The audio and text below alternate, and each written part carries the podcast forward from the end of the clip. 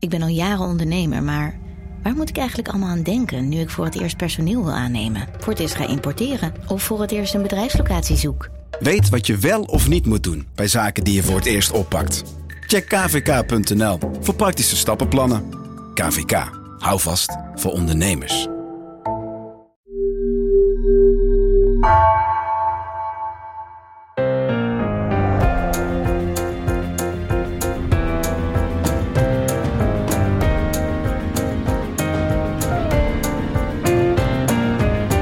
Haagse Zaken van NRC. Mijn naam is Lemia Aharwai.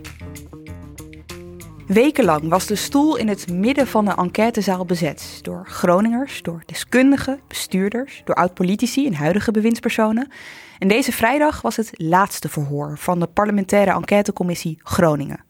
Wat hebben de afgelopen weken opgeleverd? In deze aflevering van Haagse Zaken hebben we het niet over alle verhoren. Ik geef het maar alvast mee als disclaimer. In plaats daarvan bespreken we de enquête aan de hand van vier politieke hoofdrolspelers: Henk Kamp, Erik Wiebes, Mark Rutte en Hans Velbrief. Je hoort wat hun rol is geweest in het Groningse gasdossier, of nog steeds is. Wat er gebeurde in de jaren dat zij verantwoordelijkheid droegen. En wat er nu gezegd werd in de verhoren door diezelfde mensen. En dat doe ik met bij mij Dirk Stokmans en Claudia Kammer. En niet voor niets met jullie, want uh, deze enquête heeft de afgelopen uh, maanden eigenlijk, ik wilde zeggen jullie agenda's, maar ook zo'n beetje jullie levens overheerst. En ook Claudia's dromen. Claudia? Ja, dat klopt, maar daar ga ik niks over vertellen. maar vertel, uh, jij bent de afgelopen tijd steeds bij alle verhoren zo'n beetje geweest, hè? Samen ja. met Mark Middel. Ja, klopt. Collega. Dat was heel intensief. Elke dag twee à drie verhoren. Uh, in een kleine zaal in het logement uh, aan het plein in Den Haag. Uh, met ja, niet zo heel veel andere media. Veel media uit Groningen waren erbij aanwezig. Af en toe natuurlijk ook landelijke media. Vooral als er belangrijke personen opkwamen dagen, zoals Rutte. En heel weinig mensen op de publieke tribune. Dus het was ook heel knus af en toe. Ja, best wel gek hè, dat je dan met z'n allen in zo'n zaal zit. Overigens kijken natuurlijk ook mensen op afstand uh, mee. Maar dat je met z'n allen in zo'n zaal zit waar iets heel belangrijks gebeurt. En als je om je heen kijkt, dan is het niet heel druk. Bedoel je dat? Ja, nou ja, je kon het natuurlijk op afstand uh, volgen. Dus er zullen ongetwijfeld veel mensen ook zijn geweest die het uh, via video bekeken hebben. Maar um, het had iets ja, intiems. Mis je de zaal? En misschien wel een beetje, ja. Je mag maar weer terug. Nou, de stoeltjes niet in elk geval. ja, je zat daar niet lekker. Uh, we klaagden allemaal enorm over rugpijn. Uh, er ontstond een soort verbroedering tussen alle journalisten. Er werd chocola gehaald, uh, dropjes. de politie heeft op een gegeven moment, of de beveiliging heeft voor mij een keer koffie gehaald toen ik er echt doorheen zat. Oké, nou je hebt daar dus wat meegemaakt. Jullie hebben samen ook wat meegemaakt, want Dirk, jullie hebben de afgelopen tijd ook gewerkt aan een reconstructie. Ja, Claudia en ik hebben eigenlijk de periode gereconstrueerd van Erik Wiebes, die minister was tussen vanaf 2018. En dat vonden we interessant, omdat hij eigenlijk een paar enorme besluiten heeft genomen die de gaswinning en alle gevolgen ervan volledig op hun kop hebben gezet. Het gas naar nul en de versterking van onveilige huizen en het herstel van de schade aan huizen door aardbevingen heeft hij volledig naar de staat toegehaald. We hebben jou in de zomer hier een keer langs gehad. Uh, dat was een aflevering over, um, uh, laat ik het zo zeggen, over de politiek en ambtenaren en uh, de verhouding daartussen. Ja. Of de invloed van de een op de ander. Met, met die blik, heb je de afgelopen tijd meer geleerd daarover? Ja en nee. heel veel dingen waren herkenbaar. Het is toch altijd toch wel weer super interessant om dan te zien hoe het in een bepaald, bij een bepaald onderwerp toch weer tot uiting komt. Maar je zag wat je heel vaak ziet: de, wegkijken, technocratische besluiten, soms een beetje jokken. Het Groningse gasdossier is uh, enorm uh, groot. We horen de hele tijd de parlementaire enquête Groningen. Maar het is wel even goed om het terug te brengen tot uh, waar het precies over gaat. En dat zijn eigenlijk twee momenten, hè, Claudia? Ja, dat klopt. dat hele gasdossier dat gaat over 60 jaar gaswinning, mm -hmm. zes decennia. Maar de enquêtecommissie heeft zich beperkt tot twee belangrijke momenten dat er een beslissing werd genomen, of niet werd genomen juist. Het ene moment speelt zich af in 2000. 2012, 2013, na de aardbeving in Huizingen. Dat was de zwaarste aardbeving ooit in Nederland. En uh, je zou kunnen verwachten dat de gaswinning dan naar beneden gaat. In plaats daarvan is de gaswinning enorm omhoog gegaan. Dat is het ene moment waar ze veel vragen over hadden. Mm -hmm. Dat was in de periode uh, dat Kamp minister was. Het andere moment, uh, dat speelde in 2018. Afgesproken wordt dat de gaswinning naar nul gaat voor 2030. Dat is in de periode van Wiebes. En uh, dat verklaart ook waarom wij in ieder geval het willen hebben over Wiebes en Kamp. Uh, ik zei het al, ook over vuilbrief en Rutte. Het is misschien wel even goed, want het kan zijn dat je luistert en zegt... wacht even, die, die verhoren, daar er kwamen veel meer mensen langs... om even uit te leggen waarom wij ons focussen op de politieke hoofdrolspelers. Ja, zij hebben natuurlijk uh, uiteindelijk de besluiten genomen... Uh, of niet genomen waar Groningers last of profijt van hadden. En daarmee komt bij hun heel veel samen. Dus via hun kan je goed begrijpen wat er gebeurd is. Ja, en um, uh, nog een disclaimer vooraf zou je kunnen zeggen. Er zijn een aantal instituten die je moet kennen vooraf, Claudia. Um, het is misschien wel goed om die eerst ook even uit te leggen. Want als die woorden dan straks vallen, dan snappen mensen waar, waar we op doelen. Ja, we hebben het altijd over het gasgebouw. Dat is uh, heel iets ingewikkelds, waar ook die ministers uh, lang over hebben gedaan om dat te begrijpen, zeiden ze tijdens hun verhoren. En dat komt omdat het gaat om een publiek-private samenwerking bij die gaswinning. Dus het is een constructie waarin de staat uh, samen met de oliebedrijven geld verdiende aan het Groningse gas. Dus uit die constructie zijn heel veel verschillende uh, spelers langsgekomen. We hebben ooit een aflevering van Haagse Zaken gemaakt, ik denk jaren geleden, waarin we het gasgebouw waar we een poging doen het gasgebouw helemaal uit te leggen. Laten we nu de belangrijkste noemen, te beginnen bij de NAM. Ja, de NAM is de Nederlandse aardoliemaatschappij. Dat is een bedrijf dat is opgericht door Shell en ExxonMobil, twee um, oliebedrijven. In feite is Shell degene die het aanstuurt, want die zitten in Nederland. ExxonMobil zit in Texas. De NAM is het gaswinningsbedrijf. Dus het bedrijf gewoon wat het gas uit de grond haalt. Het wordt ook niet verkocht door de NAM, dat doet dan weer uh, Gasterra. En het wordt vervoerd door de Gasunie. Dus, um, en de NAM haalt het gas uit de grond in opdracht van die twee multinationals die je net noemde en de Nederlandse staat. Ja, dat klopt, want ze verdienen er samen geld aan. Dat is een heel belangrijk punt overigens, want jarenlang heeft de overheid vooral gedaan alsof de NAM verantwoordelijk was voor van alles. Maar de staat is voor de helft verantwoordelijk voor alles wat de NAM doet. Dus dat was een wat opportunistische houding. Dan heb je degene die het verkoopt, is dus inderdaad uh, Gasterra. Die het, degene die het transporteert is de Gasunie. En dan is het nog wel even goed om te hebben over de toezichthouder. Ja, dat is het staatstoezicht op de mijnen. Het is ook heel veel uh, langsgekomen. Uh, er zijn verschillende inspecteurs-generaal die uh, hun verhaal mochten vertellen. vooral over de vraag in hoeverre er nou, nou naar hen geluisterd werd. En dat blijkt lange tijd heel weinig geweest te zijn. We gaan zo beginnen met uh, Henk Kamp. Maar eerst nog eventjes over de, de, het politieke gewicht hè, van, uh, van deze uh, enquête.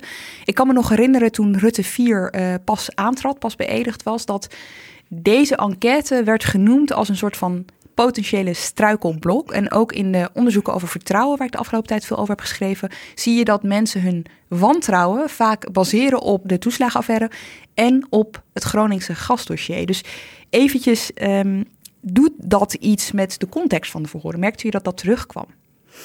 Nou, de, de vraag over het vertrouwen, hè, uh, hoe heeft dit nou het vertrouwen geschaad, die kwam ontzettend vaak langs. Je merkte dat de enquêtecommissie ook graag wilde dat de getuigen daarop reflecteerden. Oh ja. Of ze zich dat realiseerden, uh, wat ze daarvan vonden. En uh, ja, iedereen zei daar wel iets over, maar of mensen het ook allemaal invoelden, dat, dat verschilde nogal. Ja, en ik denk ook naast het, zeg maar, wat het voor politici betekent, is het gewoon ook voor mensen in Groningen iets wat jarenlang veel mensen hun leven beheerst heeft. Dat zag je ook in de verhoren, dat zie je aan de stukken die over geschreven zijn.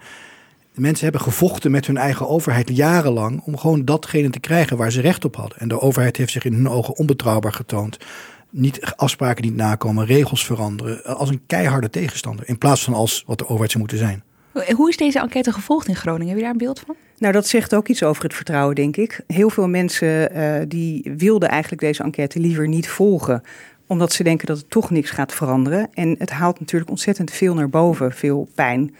Je ziet het ook bijvoorbeeld op Twitter, dat mensen uh, veel boosheid uh, uiten. Uh, ja, als, je als je een stuk rondstuurt op Twitter, dan krijg je dat ja. soort reacties heel veel. Ja, die hashtag PGAS was ook wel, uh, PE-gas, was ook wel leerzaam wat dat betreft. Ja, en, en veel mensen weten natuurlijk heel goed wat er gebeurd is, omdat ja. ze het gewoon ondergaan hebben. Ja. En zitten ook zich soms behoorlijk te ergeren aan de reconstructie daarvan bij de parlementaire enquêtecommissie door de politici. Dan, dat, die, die verbazen zich soms, en verbazen is een aardig woord, over wat ze daar zeggen. Stonden jullie in contact met de Groningers die jullie de afgelopen tijd hebben gesproken voor je reconstructie?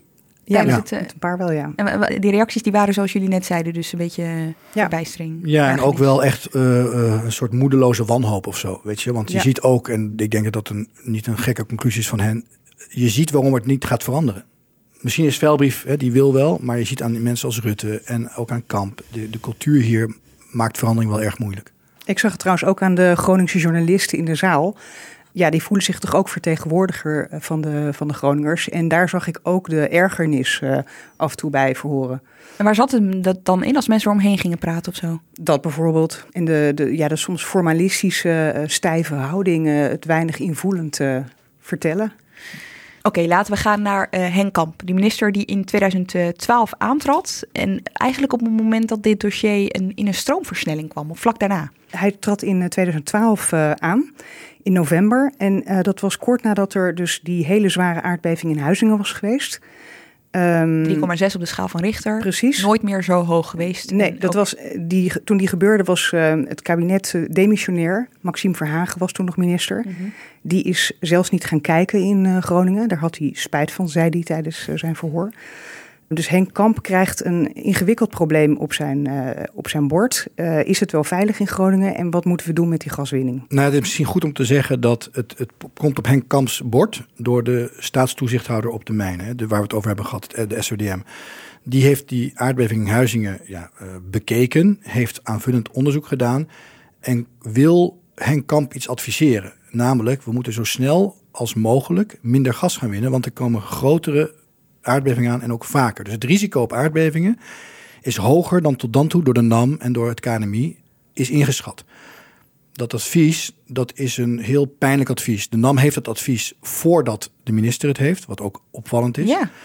En die wil eigenlijk um, ja, dat bij dat advies allerlei twijfels worden toegevoegd als bijlage, zeg maar. Dus als Henk Kamp dat advies uiteindelijk op zijn bord krijgt, dan zit er ook een, een, ja, hoe zeg je dat, een tegenvoorstel van de NAM in. Laten we eerst de boel een beetje beter uitzoeken. Dat voelt een beetje als een gekke volgorde. Dus de NAM, waar twee multinationals uh, uh, de, de scepter zwaaien, zal ik maar zeggen, uh, die hebben dat advies voordat de minister het heeft en kunnen daardoor dus wat invloed uitoefenen door die bijlage toe te gaan voegen. Ja, de, de banden op het ministerie met de NAM zijn heel erg nauw. Um, de NAM komt daar heel regelmatig ook langs. En um, op dat moment wordt het beleid van de gaswinning door een topambtenaar gedaan. Dus, en die houdt contact met de NAM ja. in plaats van de minister. Eigenlijk. Het is goed om te begrijpen dat uh, alle besluiten over hoe de NAM moet opereren, strategisch um, en ook soms op tactisch niveau, worden genomen in de Maatschap Groningen. Dat is een overlegorgaan uh, van de oliebedrijven, Exxon en Shell, mm -hmm. en ook een aantal uh, vertegenwoordigers van de staat. En een daarvan is een topambtenaar van Henk Kamp, de minister van Economische Zaken. Zijn naam is Mark Dieriks.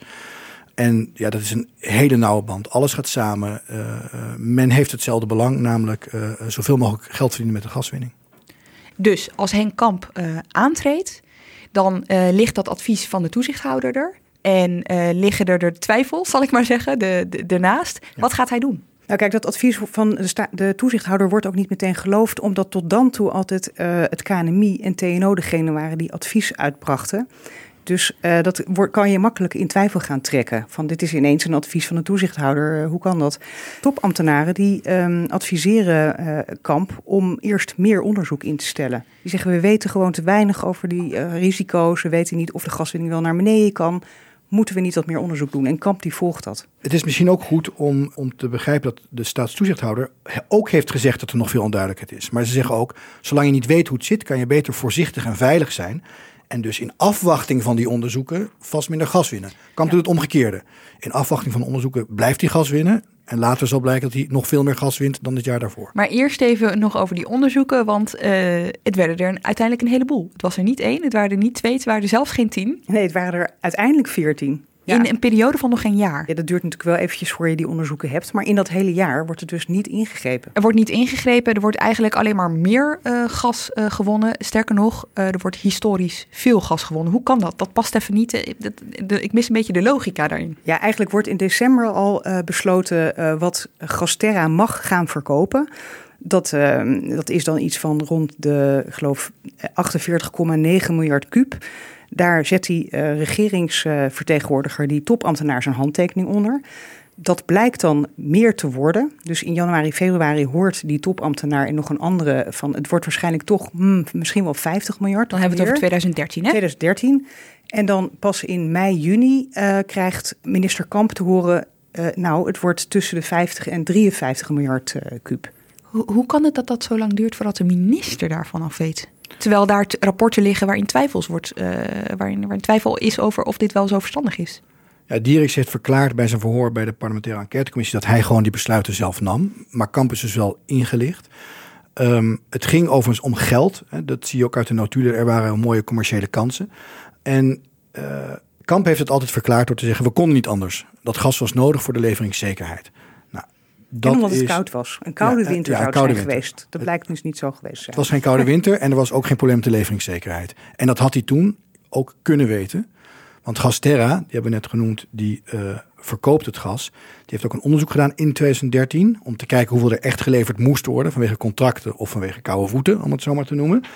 Dat lag ver onder uh, het niveau wat uiteindelijk in dat jaar gewonnen is. Dus Kamps verdediging uh, klopt niet helemaal. En er was zelfs al een onderzoek in 2012 dat er ook minder gas opgepompt kon worden en dat het dan vervangen kon worden door buitenlands gas, wat je een beetje aanlengde met uh, stikstof. Dat wist die topambtenaar, maar dat heeft hij nooit aan de minister verteld.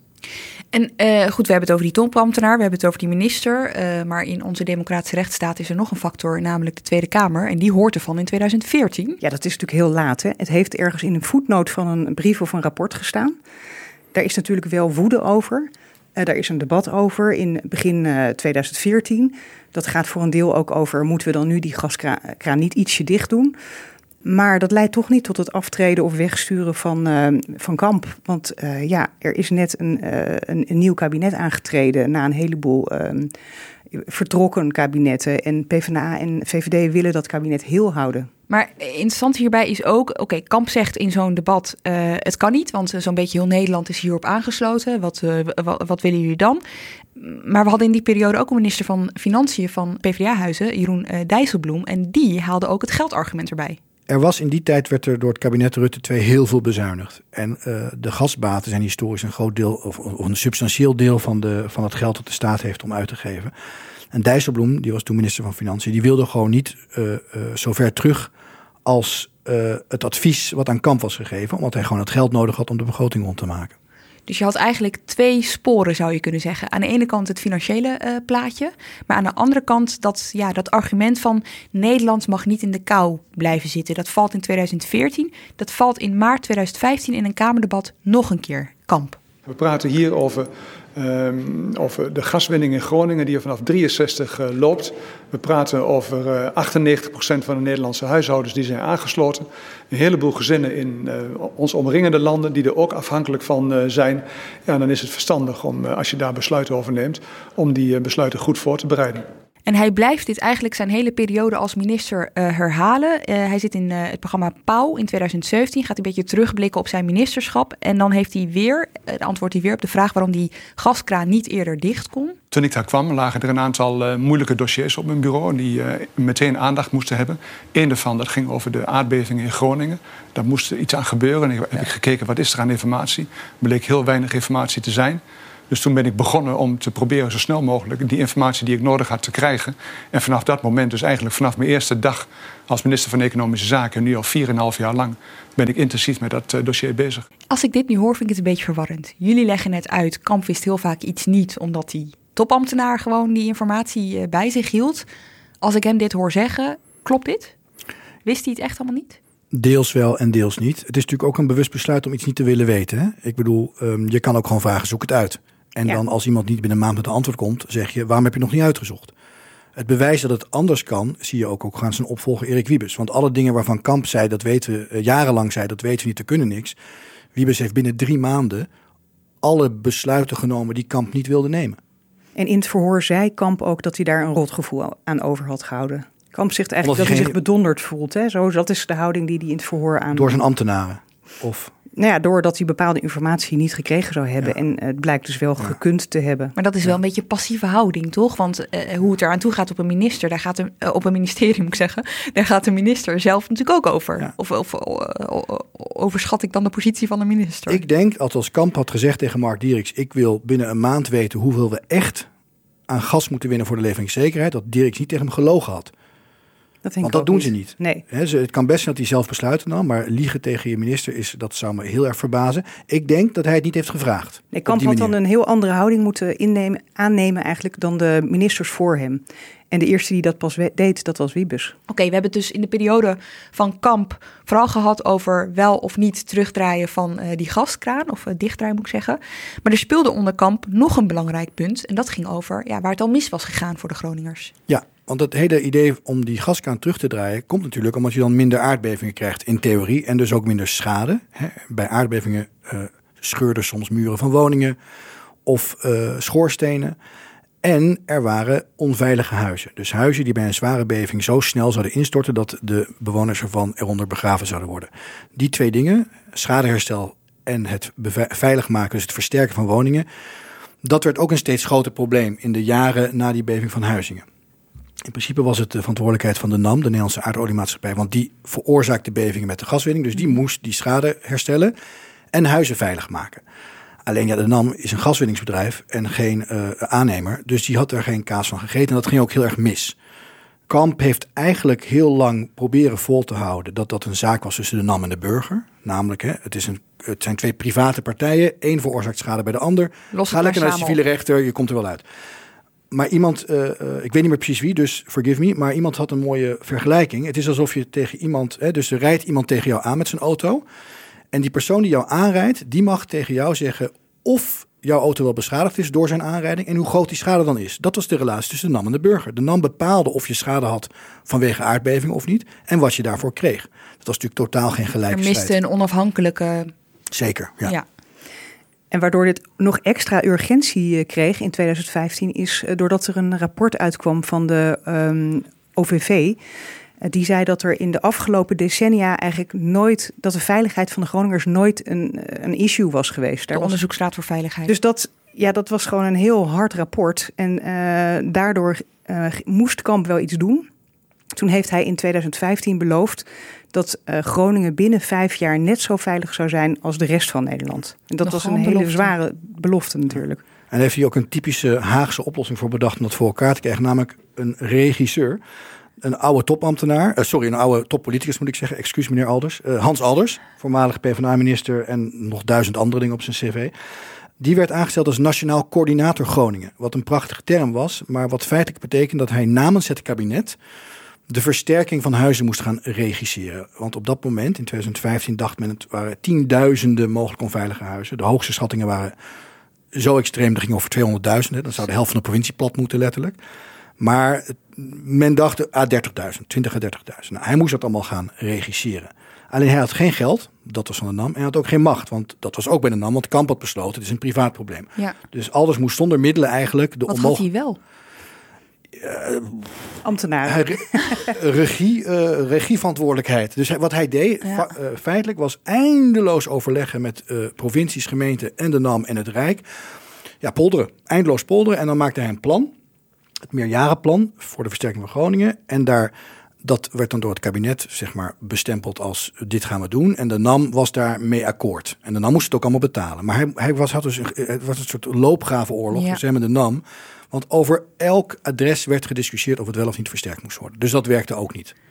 Want even voor de duidelijkheid, eh, Claudia, jij had het net over de ene belofte van Kamp. Hè, dat het in Groningen net zo veilig zou zijn om te wonen als in de rest van Nederland. Hij deed nog een belofte, en dat ging over die versterking. Namelijk dat vanaf twee- 2015 jaarlijks 5000 huizen zouden moeten worden versterkt. Ja, dat hing juist samen hè, met die veiligheidsbeloftes. Dus mensen zouden niet meer in een onveilig huis hoeven wonen. Eh, hij ging al die huizen ging die opsporen die onveilig zouden zijn. En eh, die werden dan eh, onderzocht en versterkt. En het is misschien nog wel even goed om het verschil uit te leggen tussen schadeherstel en versterking. Ja, je moet het zo zien. ehm, als er een aardbeving is geweest, dan zijn er huizen die daar schade door ondervinden. Dus er zit een scheur ergens. Maar je hebt ook huizen, die kunnen ook over schade ondervinden. Maar je hebt ook huizen waarvan wordt berekend of gedacht en daarna berekend... dat ze bij een zwaardere aardbeving dan die ooit heeft plaatsgevonden... Hè, dus eh, eh, eh, volgens mij op de schaal eh 5, op de schaal van Richter... die zullen instorten. En wel zo snel dat, is de, de, dat de bewoners het niet levend zullen verlaten. Dus het mag best instorten, maar het moet net zo lang duren... tot ze de voordeur hebben bereikt. Die huizen moesten allemaal worden opgespoord... En die moesten worden versterkt. Dat is dus iets anders dan het dichtplamuren Ja, van een scheur. precies. Dat is echt gewoon soms in dit geval, in die tijd, 2015, dacht men nog. Dat elk huis dat versterkt moest worden zo zwak was dat het eigenlijk gewoon gesloopt en opnieuw gebouwd moest worden. Dus versterking betekende eigenlijk sloop en nieuwbouw. Gaan we naar de verhoren van Henk Kamp, want dit is dus ongeveer zijn rol geweest. Uh, die verhoren zijn er af en toe al een beetje tussendoor geglipt. Twee keer heeft hij in die enquêtezaal moeten zitten. Uh, eh, 9 september en 3 oktober. De enige overigens die twee keer langskwam. Hè? Claudia, waarom eigenlijk? Ja, omdat hij zo lang minister is geweest. Wat zagen jullie bij Kamp in deze verhoren? Nou, Kamp had zich heel goed voorbereid. Hij kende echt alle feiten. Daar sloeg hij ook de commissie mee om de oren. Ja, dat was soms echt heel bijzonder om te zien. Het is geen man die veel emotie vertoont. Hij zei natuurlijk wel dat hij dus vervelend vond hoe het was gelopen in 2013. Dat hij ja, achteraf gezien misschien toch had moeten ingrijpen. Maar dat was een hele verstandelijke benadering eigenlijk. En hij zei natuurlijk ook: het ging nu eenmaal zo in die tijd was één opvallend iets. Soms, soms komen er uh, bizarre dingen uh, samen. Voor de eerste keer dat hij werd uh, gehoord, echt vlak ervoor, was er een beving, hè? Ja, het was een, was het 2.1? 2.5. 2.5. En Kamp die zei in zijn eerste verhoor, ja, die, die maakte eigenlijk een uitgeleider. Die zei dat je zo'n beving niet voelt. een beving onder 2,5. Op de schaal van Richter. Van de 93 uh, bevingen die er in het jaar 2012 waren geweest, waren er 90 minder dan 2,5 op de schaal van Richter. En bevingen minder dan 2,5 op de schaal van Richter, die voel je niet of nauwelijks. Uh, dus de, de, de, het risico van de aardbevingen staat vooral in de in de zwaardere aardbevingen. Ja, dat is dus ook de gedachte die heel lang geleefd heeft. Dat, uh, dat je eigenlijk niks merkt van zo'n uh, wat lichtere beving, uh, tenminste op de schaal van Richter. Dit is natuurlijk echt een hele papieren werkelijkheid. Precies, want in de werkelijkheid zijn er ontzettend veel schades. En ook als je vaak een beving hebt, ook al is die licht op die schaal, dan heb je ook schade aan je huis op den duur. En dan, word je, ja, dan voel je je onveilig. Het is ook heel gek, hè, want hij zit daar dus dat te vertellen. Terwijl je kan, als je gewoon bijvoorbeeld op Twitter zou zoeken naar beving Groningen, zijn mensen, ik voelde net een beving. Dus het is gewoon ook heel raar om op basis van een soort, uh, ja, er zijn 93 bevingen, zoveel daarvan zijn kleiner. Dus die, je vraagt ook af, waarom zegt hij het eigenlijk? Er kwamen in de enquête ook uh, gedupeerden aan het woord. En uh, ja, die konden heel goed verwoorden dat je wel degelijk schade hebt. En wel degelijk ook je vertrouwen in je huis en in de overheid verliest. Een van de mensen die jij volgens mij bedoelt, Claudia, is Sijbrand Nijhoff. Een uh, Groninger van in de tachtig. Die al jarenlang strijdt tegen de manier waarop de overheid omgaat met Groningers. En in zijn verhaal kon je de wanhoop daarover heel goed horen. Ik heb na die tijd ook vaak gezegd: ik hoop dat er nog een beving van zes komt dat die schoorsteen naar beneden klettert, want die stond helemaal scheef. Ik hoop dat hij naar beneden klettert, dat ik s'nachts op bed lig. Dan valt hij dwars door het plafond en lig ik eronder. Is er tenminste een dode gevallen? Dat heb ik gezegd. Is Den Haag eens een keer wakker? Dat heb ik vaak gezegd. Wanneer zijn ze wakker? Gaan er jaren overheen, we zijn tien jaar verder. Ja, dit, uh, dit laat de wanhoop wel zien. Ja. ja, en de audio is natuurlijk in, voor mij in ieder geval, maar ik denk voor veel luisteraars al best uh, um, indrukwekkend. Mm -hmm. Maar als je het ook ziet. Um, en hij is een van de honderden. Hè? Het is niet één iemand die toevallig een, een, zwakke schoorsteen had. Het is gewoon jarenlange angst. Uh, soms als er geen angst was, was er gewoon wanhoop omdat de overheid niet deed wat het beloofde. Dus er is, er is een soort. En, en dan zegt dus een minister: ja, onder 2,5 voel je niks. Dus dit heeft altijd in Den Haag, ook in de gesprekken die we voerden voor onze verhalen, een onderstroom geleefd die ook wel werd ontkend, want dat is natuurlijk geen nette gedachte, dat het eigenlijk ook niet zo heel erg was als werd gezegd. Vooral omdat het altijd ging van ja, er is nog nooit iemand dood gegaan. En Nijhoff die, ja, die begrijpt dat heel goed. Die zegt, ja. er moet gewoon iemand doodgaan. Dan nemen ze misschien wel serieus. Dit eh, tekent inderdaad de, de, het, het, gevoel van Groningers in de periode van uh, kampen gebeurt niks. Uh, sterker nog, die kraan gaat alleen maar meer open. Zij zien de ellende, de gevolgen daarvan. Dan treedt in 2017 Erik Wiebes aan, de opvolger van Henk Kamp. Hij wordt minister van Economische Zaken. Claudia, wat gebeurt er dan? Wiebes die, die, die maakt echt een hele grote trendbreuk eigenlijk. Die, die zegt dit moet anders. Uh, de veiligheid moet voorop staan.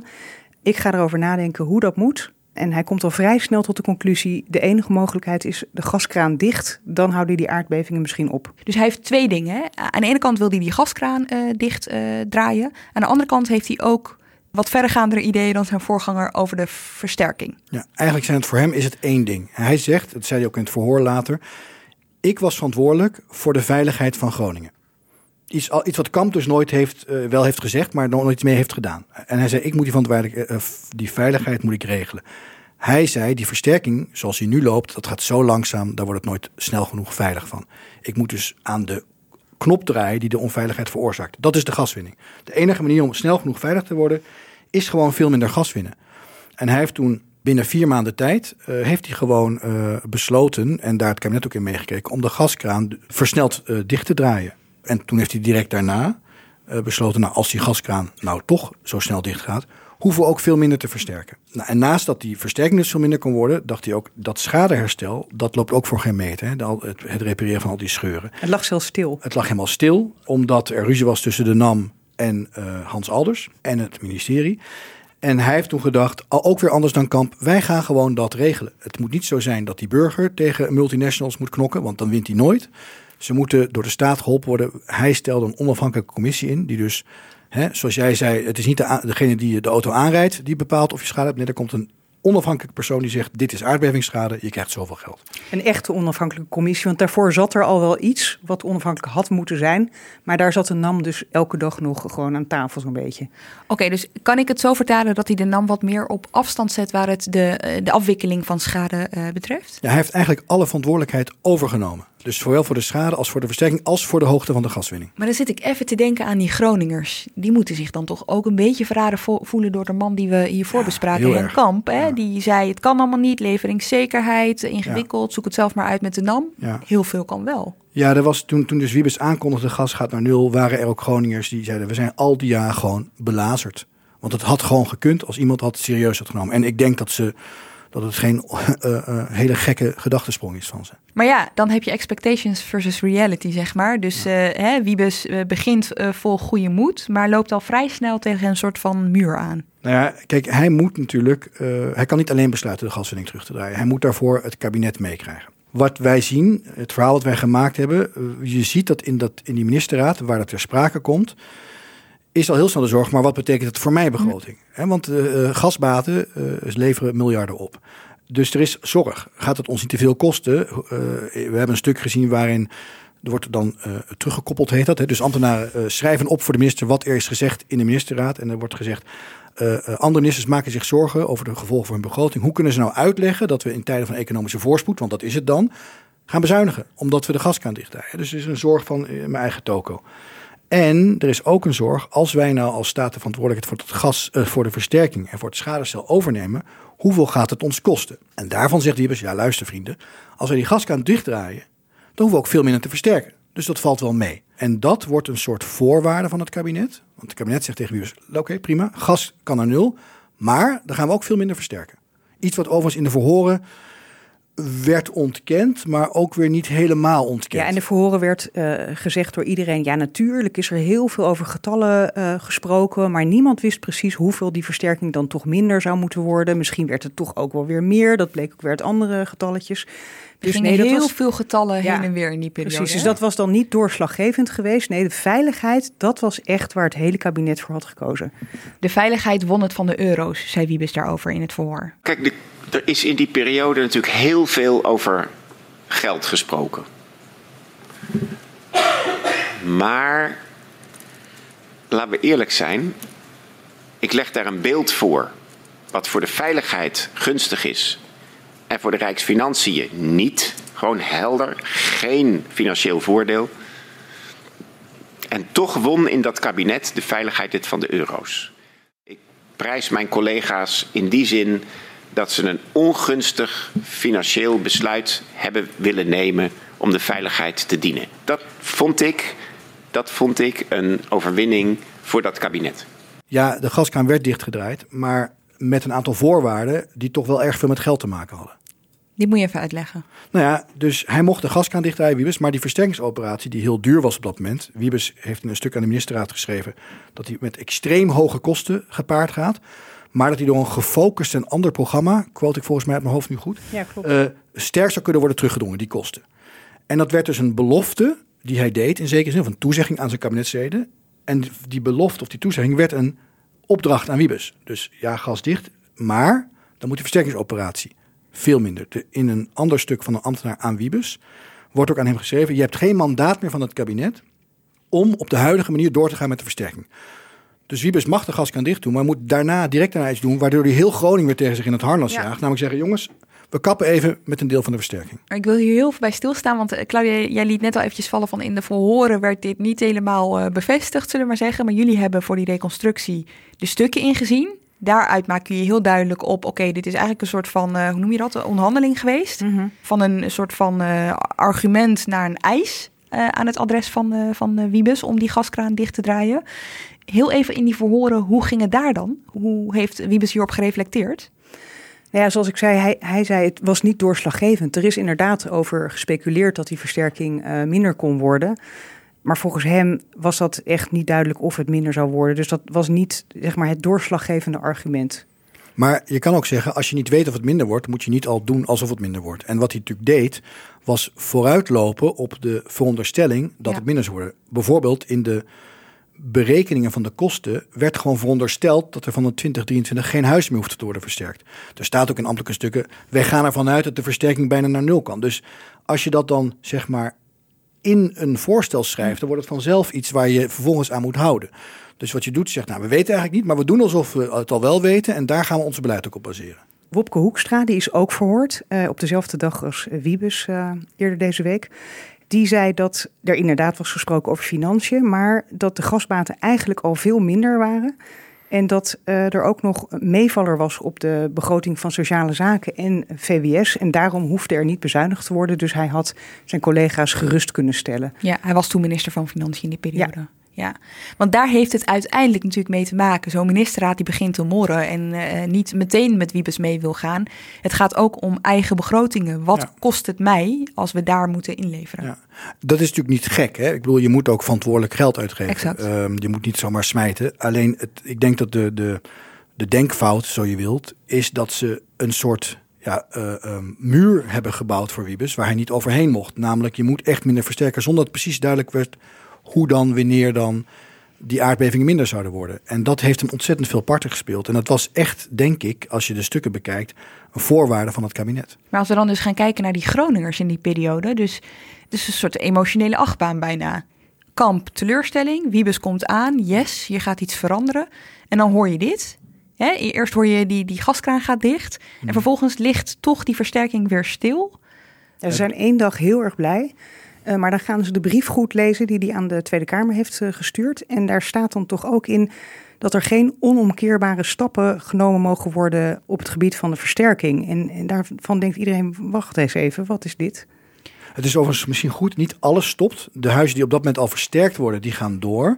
Het gaat om de mensen die al hebben gehoord, dat is belangrijk, dat hun huis onveilig is. Maar nog niet hebben gehoord hoe het precies veilig wordt gemaakt. Dus stel je voor, iemand heeft zo'n brief gestuurd, Hans Alders. Je huis is onveilig. We gaan binnenkort vertellen hoe we het veilig maken.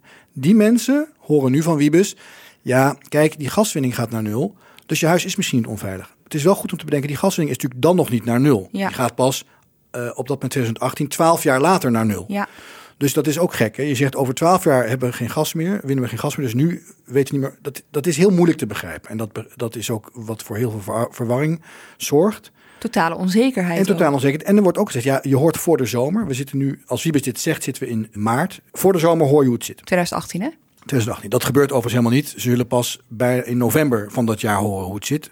En dan nog weten ze niet echt hoe het zit. Het blijft een totale verwarring, meer dan een jaar lang. En er ontstaat een periode van ook een beetje totale willekeur. Nou, ja, dus een voorbeeld wat we in ons verhaal noemen eh, is heel interessant. Er is een dorpje in Groningen, Overschild.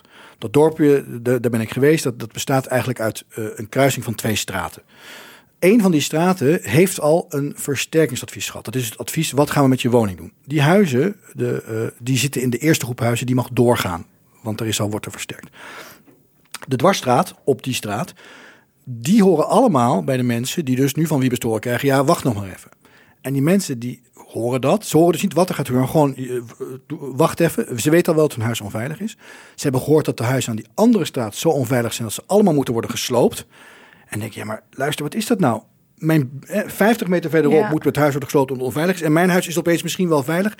Het is gewoon voor die mensen onbegrijpelijk en natuurlijk ook ja, best onrustig. Onbegrijpelijk, maar is het verklaarbaar op de een of andere manier? Zijn Nou ja, we daarachter gekomen? Ja, ja het, is, het is technisch verklaarbaar. Je kan bijvoorbeeld zeggen, je moet zo'n huis altijd beoordelen op grond van bepaalde regels.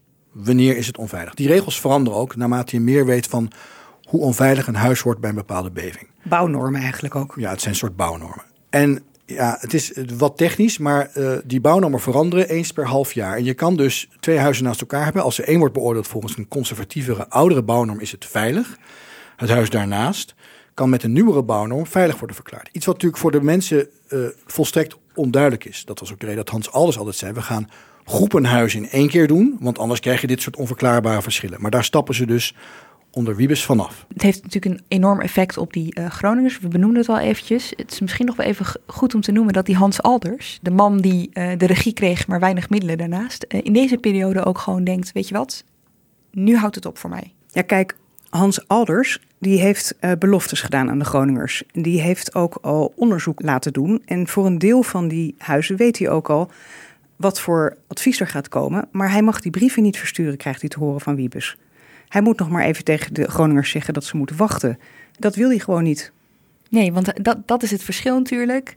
Wiebes gaat wel langs in Groningen, maar zit natuurlijk in Den Haag. Alders ziet gewoon iedere keer weer die Groningers en hun vertwijfeling, onzekerheid.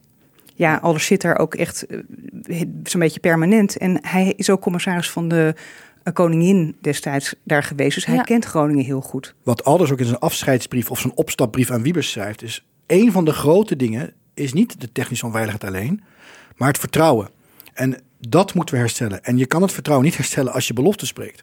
Dus dat, je, je lost het probleem niet op door je belofte te breken, dan maak je het erger door. En daarom stap je op. Ik heb die mensen iets beloofd. Ik kan niet blijven zitten als ik die belofte moet breken. En dat vertrouwen waar Alders in zijn brief aan Wiebes over praat, daar hebben we een heel mooi voorbeeld van gehoord bij de enquêtecommissie. Dat is een mevrouw die werd verhoord, uh, vrouwke Postma Doornbos, die vertelt over haar huis waar heel veel schade aan was.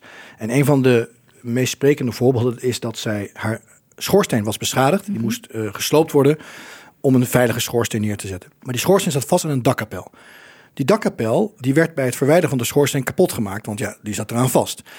Maar toen zei zij tegen het bedrijf wat de, die schoorsteen weer kon opbouwen: joh, die dakkapel moet ook nieuw. En zei, maar daar hebben we, dat zit niet in onze opdracht. Ik moet even bellen.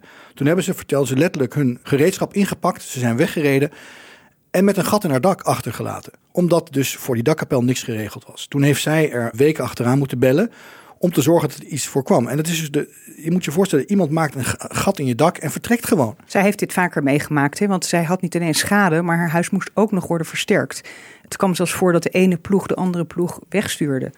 En uh, ze zat gewoon dagelijks te bellen met alle instanties om haar recht te krijgen. Dus ze zei op een gegeven moment: uh, ik en mijn man hadden gewoon nooit meer vrije tijd. En, en als ik terugkijk, is er nog iets wat ik eigenlijk nog niet echt heb gezegd, omdat ik denk dat ligt me als een steen op de maag. Dat is de mentale gezondheid van onze kinderen. Ook van onszelf. Maar goed, wij zijn de verantwoordelijke in het gezin. En uh, onze zoons hebben hun, uh, hun, hun puberjaren, hun tienerjaren doorgebracht. Um, in een hele gestreste omgeving met heel gestreste ouders. Uh, en hebben daar elk op hun eigen manier echt de mentale gevolgen van. Uh, onze jongste zoon is zwaar depressief geworden. Dat hadden wij helemaal niet door in het begin. Hij sloot zich in zijn eigen wereld op. En als je dat dan later merkt en ziet, dan denk je: ik heb gewoon gefaald. Ik heb gewoon gefaald als moeder. Ik, had, ik heb geknokt voor dat huis. Ik had voor mijn kind moeten knokken. Dit was een van de aller, aller aangrijpendste momenten in de. De, de tranen schieten mij nu nog in de ogen, eerlijk gezegd, als ik dit hoor. Ja. ja. En ze zegt: Ik heb gevochten voor mijn huis met de overheid, hè? Ik bedoel, niet met een of andere criminele aannemer. Ja, en dan blijf ik achter met het gevoel: oké, okay, even terug naar dat begin van Wiebes, die dus met de beste bedoelingen hieraan begon en dacht: nee, ja. hier moet een onafhankelijke partij. Hoe is dat dan gegaan? Ja, dat komt dus toch door het gebruik van al die modellen en cijfers en normen uh, die steeds veranderen. En dat zorgt ervoor dat er dus een soort willekeur uh, ontstaat. Het ene huis valt onder het ene regime, het andere huis valt het andere regime. Het is een enorme bureaucratie die wordt opgetuigd. Dus als je dan even uitzoomt, de overheid bleek niet in staat om ook dat menselijke aspect dat nodig is in zo'n schadeafhankeling, om die er ook in te ja. zetten. Ik denk dat je bij schadeherstel ziet dat, en hier speelt ook Hoekstra een rol, de minister van Financiën. De, het idee was van de overheid, wij gaan de schade en de versterking regelen, maar de NAM moet wel blijven betalen, want de NAM is verantwoordelijk. Maar wat ze vervolgens gingen doen, uh, en dat is ook iets waar Hoekstra om heeft gevraagd in de ministerraad, is de schade afhandelen langs de lijnen van de aansprakelijkheid. En dat betekent zodat we het op de NAM kunnen verhalen. Dus, dus je gaat niet, de NAM doet het niet meer, maar je gaat het wel een beetje doen zoals de NAM het zou doen. Dus, dus het NAM-belang zat alsnog aan tafel een beetje bij de minister. Ja, en daarmee ook de NAM-manier van handelen. Ja. Hè, uh, indirect. Dat is één. Het versterken is er ook indirect mee te maken. Namelijk, die, uh, de NAM wilde alleen betalen voor huizen die onveilig waren volgens de normen, die dus steeds veranderden. En als je dat ook zo doet, dan krijg je dus uh, die willekeur. Maar goed, dus Wiebes, wat heeft het netto nou opgeleverd? De belofte dat de gaskraan naar beneden zou gaan, de versterkingsoperatie die voor een groot deel stil is komen te staan, en Hans Alders, de man die in ieder geval een soort van ja, uh, Johan Remkes in die periode uh, zou moeten optreden. Johan Remkes van de PvdA. um, die zijn ontslag indient. Dus ik, ik zit even te denken, wat is er overgebleven van de goede moed waarmee die begon? Nou, de, gas, de gaskraan is bijna dicht. Hè? Dus ja. volgend jaar zou die op de waakvam gaan. Check, dus dat, dat, is, dat, dat is niet gelukt. niks. Dat is ja. een, een, droom van veel Groningers. Ja. Het schadeherstel is denk ik voor eenvoudige schades beter dan bij de NAM. Maar er is nog heel veel kritiek over de complexe schades. Omdat daar dan de kosten oplopen en dus ook nou, geld een rol gaat spelen. En het versterking blijft nog steeds een, een, ja, een enorm groot probleem. En daarvan zegt Wiebus, ja dat komt niet door de modellen en plannen die ik heb gemaakt. Dat komt doordat het te veel gepolderd is. En uh, gemeentes wilden meer dan alleen maar veilige of onveilige huizen veilig maken. Die wilden ook doen aan stadsvernieuwing en uh, leefbaar maken van wijken. En ja, dan wordt het een veel complexere operatie. Dan duurt het heel erg lang. En dat is ook niet zo gek dat je een, een wijk weer wil opbouwen als je daar allerlei huizen aan het slopen bent. Dat is ook een gedachte die intussen weer terug is eigenlijk. Oh ja?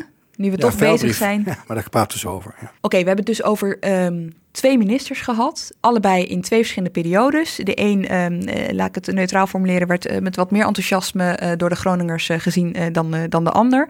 Maar al die tijd was er één man die er vanaf begin tot eind bij zat. En dat is Mark Rutte, de premier. Wat was zijn rol? Nou, de enquêtecommissie loopt het steeds helemaal chronologisch door. Hè. Dus eerst ging het met hem over de periode Kamp. En uh, wat heel opmerkelijk was, is dat Rutte vertelde dat hij in 2018 een interview had gelezen met Jan de Jong. Die was in 2012, 2013 um, toezichthouder geweest bij het staatstoezicht op de mijnen. Mm -hmm. En uh, Jan Jong die klaagde dat er heel slecht geluisterd was uh, naar zijn advies om die gaskraan dicht te draaien of verder iets verder dicht te draaien na die beving in Huizingen. Eigenlijk toen Rutte dat gelezen had, toen besefte hij pas wat er eigenlijk gebeurd was, hoe, wat er een bizarre hoeveelheid gas er in 2013 was opgepompt en hoe groot de maatschappelijke onrust was. Maar dat is dus vijf jaar later. En dat moest hij dan lezen in een interview? Ja. Is hij ooit geweest in Huizingen in die periode dat de, de, de, hè, waar, waar we mee begonnen in 2012, die beving dus? Nee, hij zei het is ongetwijfeld wel iets geweest, uh, wat het was op het journaal en we zullen er even bij stil hebben gestaan in de ministerraad. Maar er is inderdaad niemand naartoe gegaan van het kabinet. Dat was ook, denk ik, misschien wel bewust in zekere zin. Het probleem was natuurlijk weggestopt bij Hans Alders. Ook een Haags gebruik om als iets, uh, een probleem erg stinkt, om, het, om er niet te dichtbij te staan. Dus Alders moest dat allemaal doen. En dat werd ook gezegd in de verhoren. We wilden Alders niet voor de wielen rijden. Dus uh, ja, het was gewoon weggemanaged van het kabinet af. Iets wat overigens ook een, uh, uh, patroon is bij de kabinetten Rutte. Ja, want dat is, hier moeten we eventjes bij stilstaan. We hebben het vaker gehad in Haagse Zaken. Maar dat betekent niet dat we het niet nu ook weer moeten doen. Het is natuurlijk ook een beetje de methode Rutte om iets van zich af te duwen. En dan is het wel goed om eventjes terug te gaan naar 2018. Toen gaf hij een persconferentie, gewoon dus een vrijdagse persconferentie naar de ministerraad. Toen kwam dit onderwerp ter sprake, de, de, het Groningse gasdossier. Het ging uh, specifiek over het afhandelen van de schade. Dan moet je goed luisteren welke woorden hij daar gebruikte. Uh, het is klip en klaar dat uh, de mensen in Groningen het recht hebben op compensatie van hun schade.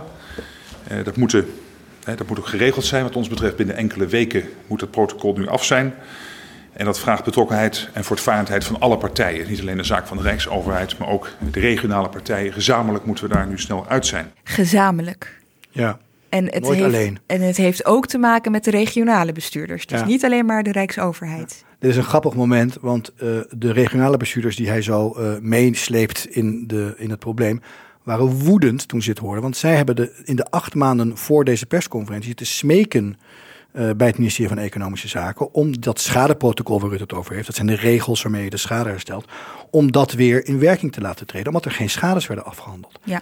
Dus dit fragment, dit moment levert een bakken met kritiek op. Twee dagen later zit hij bij het televisieprogramma Buitenhof en dan klinkt hij alweer iets anders. Uh, er was irritatie in Groningen ontstaan door iets wat ik vrijdag zei. Uh, wat ik heb gezegd is, we moeten nu proberen samen eruit te komen.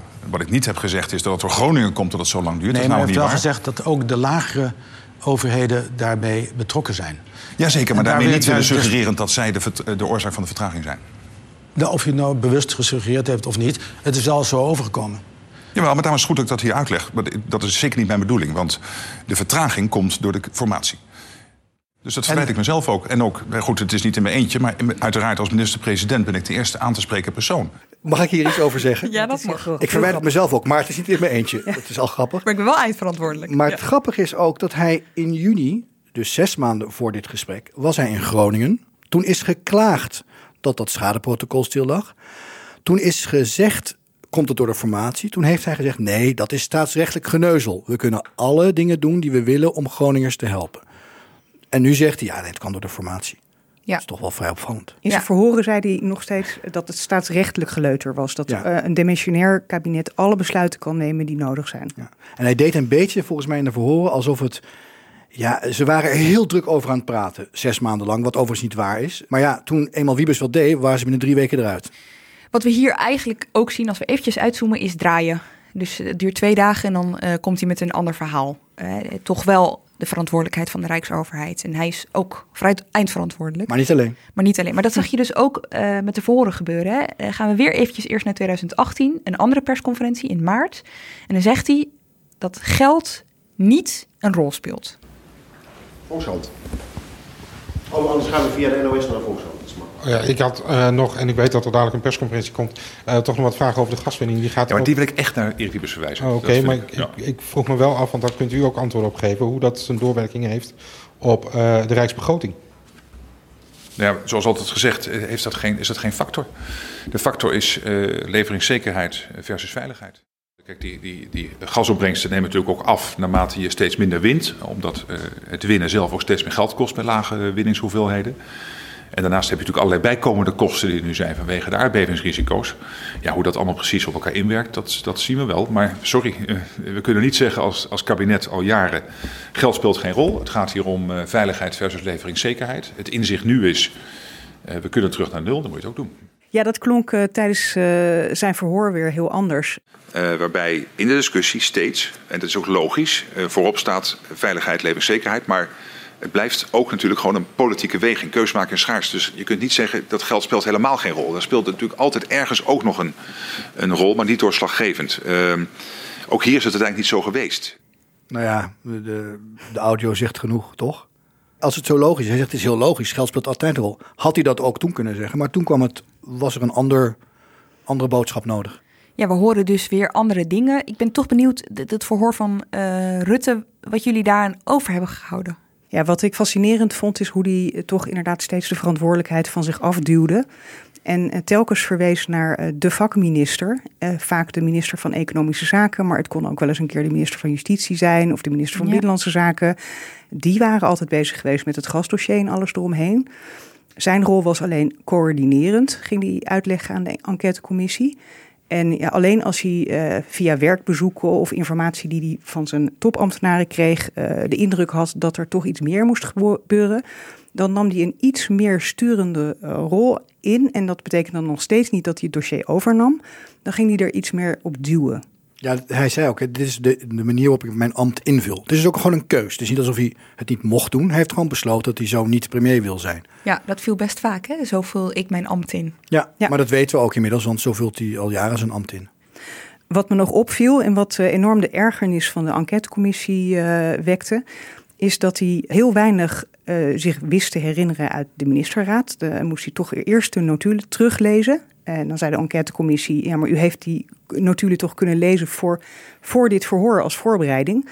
En over eh, gesprekken in het torentje tussen de coalitie of tijdens de formatie, daar, ja, daar wilde hij niet over uit de school eh, klappen, want dat was een politieke kwestie.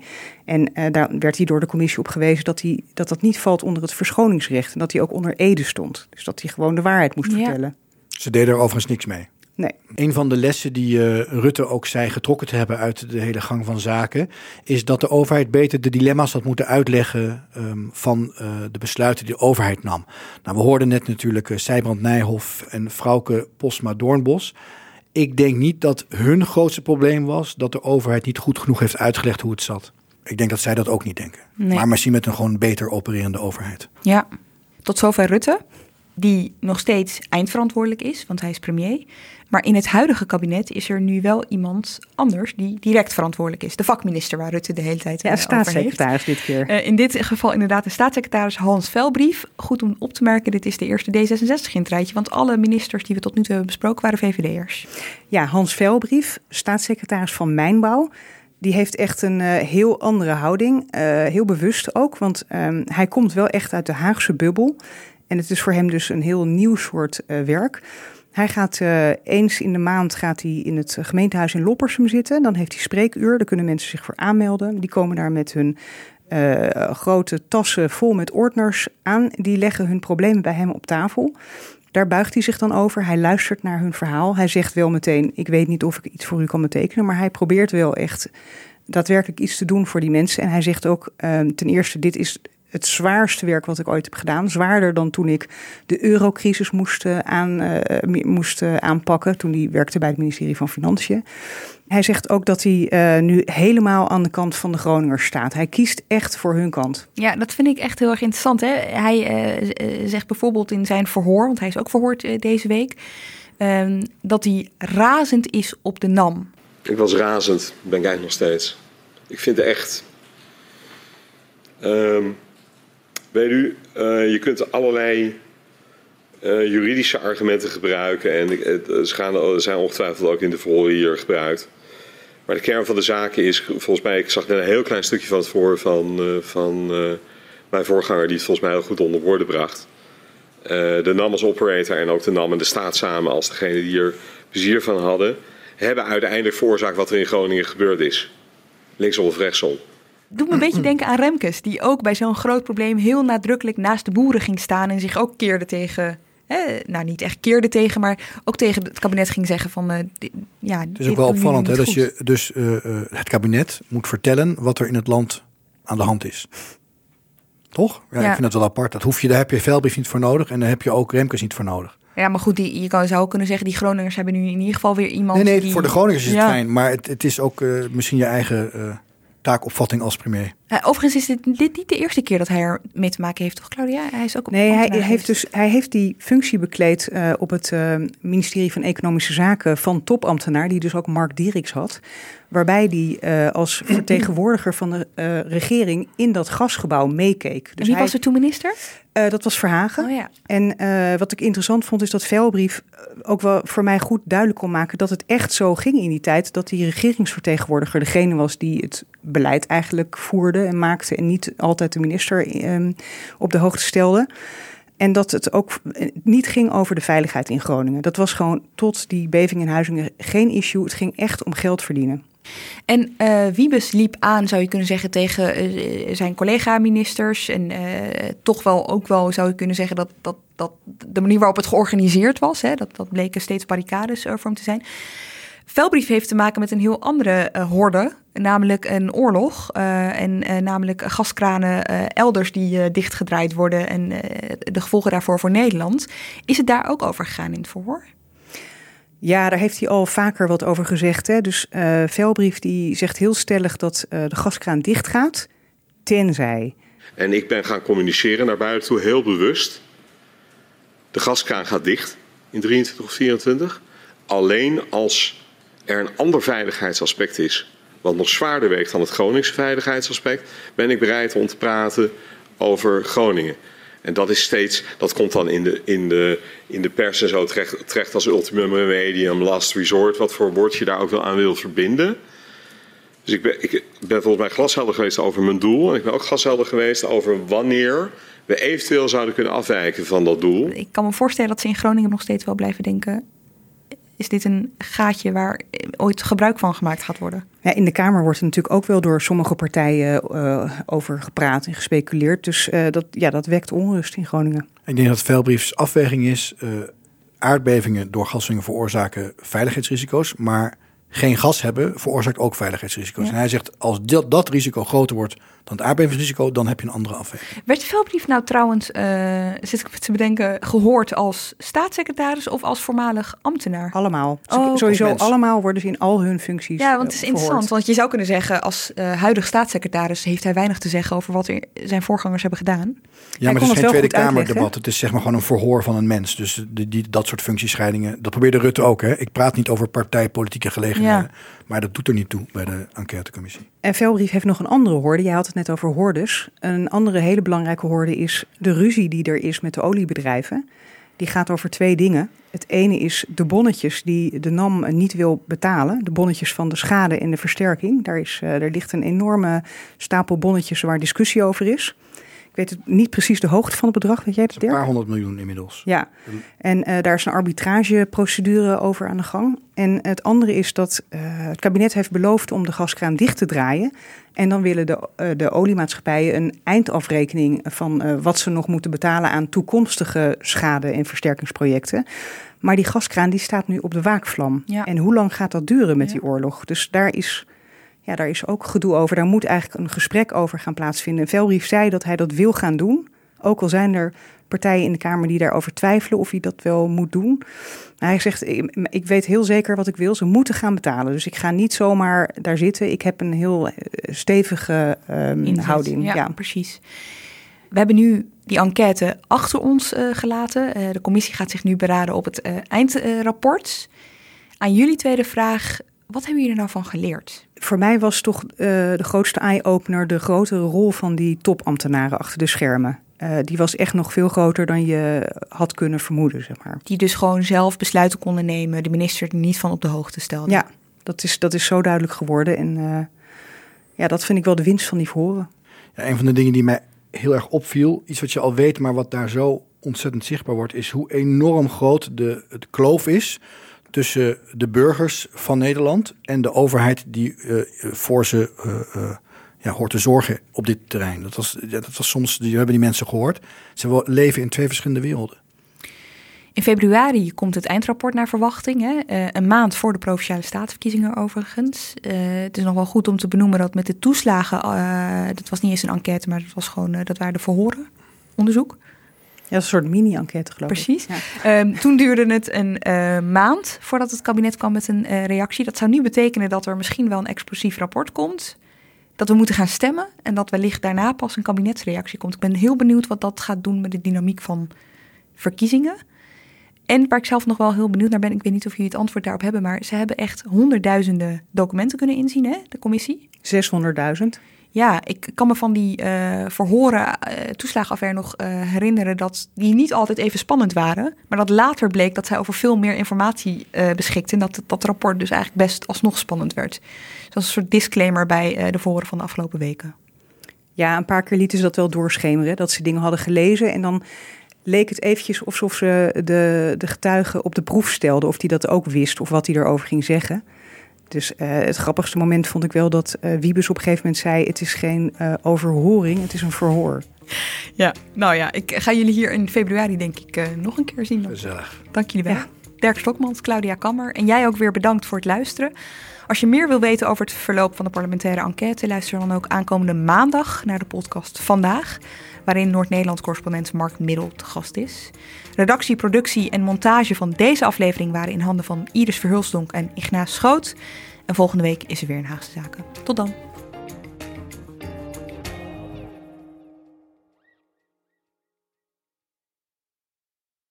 Technologie lijkt tegenwoordig het antwoord op iedere uitdaging. Bij PwC zien we dit anders. Als we de potentie van technologie willen benutten, kunnen we niet zonder een menselijk perspectief. Human-led, tech-powered noemen we dat. Ga naar pwc.nl.